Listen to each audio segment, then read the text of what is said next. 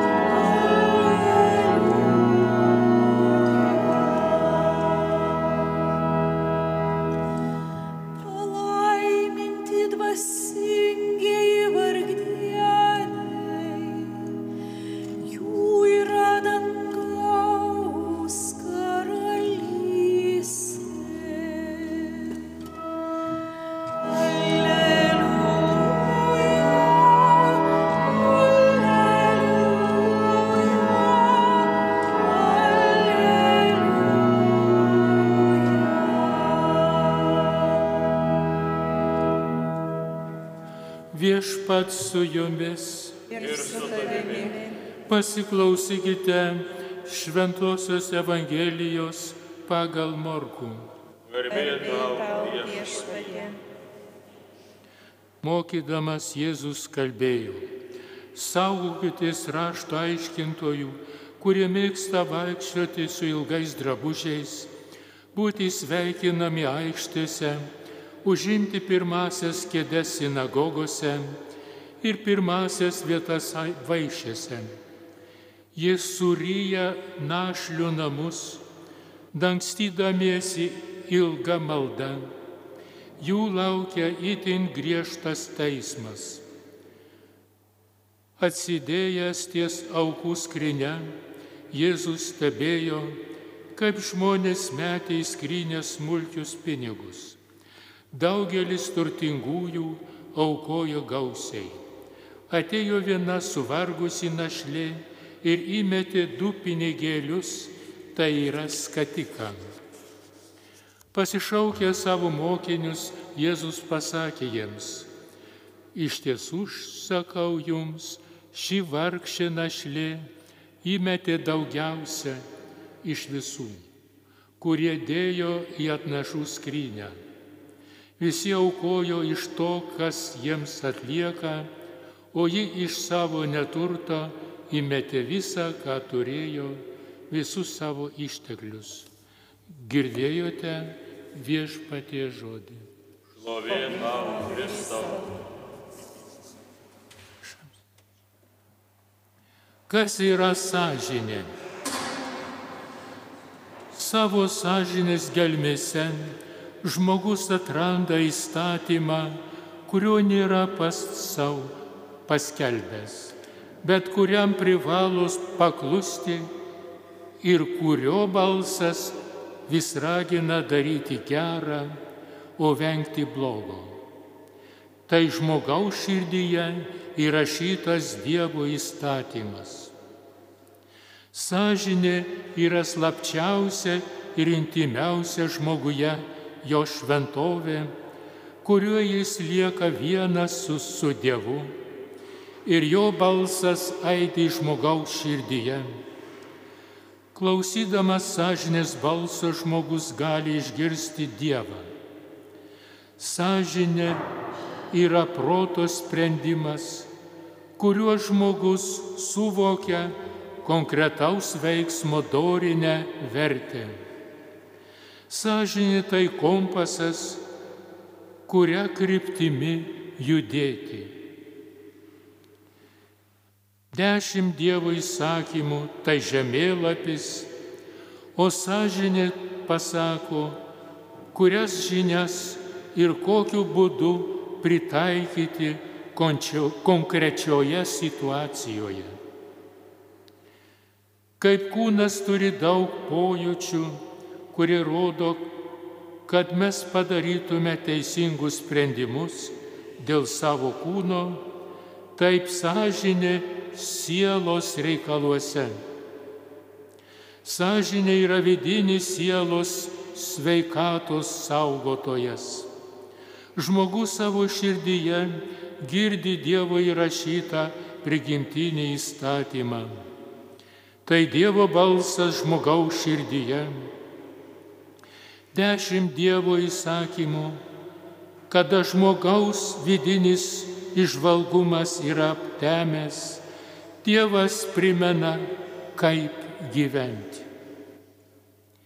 Teisinga sąžinė atitinka Dievo nustatytą dorinę tvarką, kuri yra objektyvi, nuo mūsų nepriklauso. Ne mes ją išgalvojome, ar tau patinka ar ne, tiki ar netiki jokio skirtumo.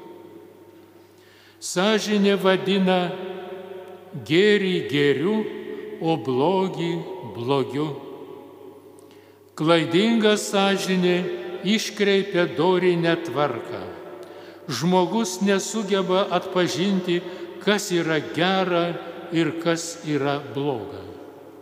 Neteisinga sąžinė, pavyzdžiui, kada žmogus gyvenime laikosi neteisingos gyvensenos, žalingų įpročių, žalingą mytybą, žmogus nepastebi, kad jam tai kenkia. Jei sąžinė yra iškreipta, žmogus daro žingsnius, kurie jam kenkia, o jis to net pažįsta. Yra du atvejai, pavyzdžiui, skrupulinga sąžinė ir laksistinė sąžinė. Iš kur atsiranda iškreipta sąžinė? Tai blogas auklėjimas, dėl to vaikas nebegirdi prigimtinio įstatymo sąžinės balso. Nesrūpinimas ieškoti tiesos ir gėrio. Tai kelias į sąžinės nutildymą. Įprotis pastoviai nusidėti atbunka sąžinė ir žmogus nebejaučia, kad tai yra blogis. Pastovus pasinerimas į masinę kultūrą. Ji mums siūlo pačias įvairiausias egoizmo formas. Jeigu aš nesugebu iš to išeiti ir save panardinti kitokiuose šaltiniuose, gėryje, grožyje ir tiesoje, tada masinė kultūra slopina atbūkina sąžinę. Galvoti, kad mes nesame pažeidžiami, tai yra didžiausia klaida, kai sako, aš viską žiūriu, bet atsirenku, kas yra gera. Pagrindinę įtaką daro vaizdiniai, dalykai, ką mes žiūrime. Kaip ugdyti ir formuoti teisingą sąžinę. Šventojo rašto skaitymas ir malda padeda ugdyti teisingą sąžinę. Gilinimas įsitikėjimo dalykus, jų svarstymas, skaitimas katekizmo, jau kad asmeniniai pokalbiai su dvasingais žmonėmis. Mes turime pareigą ugdyti teisingą sąžinę dėl mūsų pačių gėrio. Amen.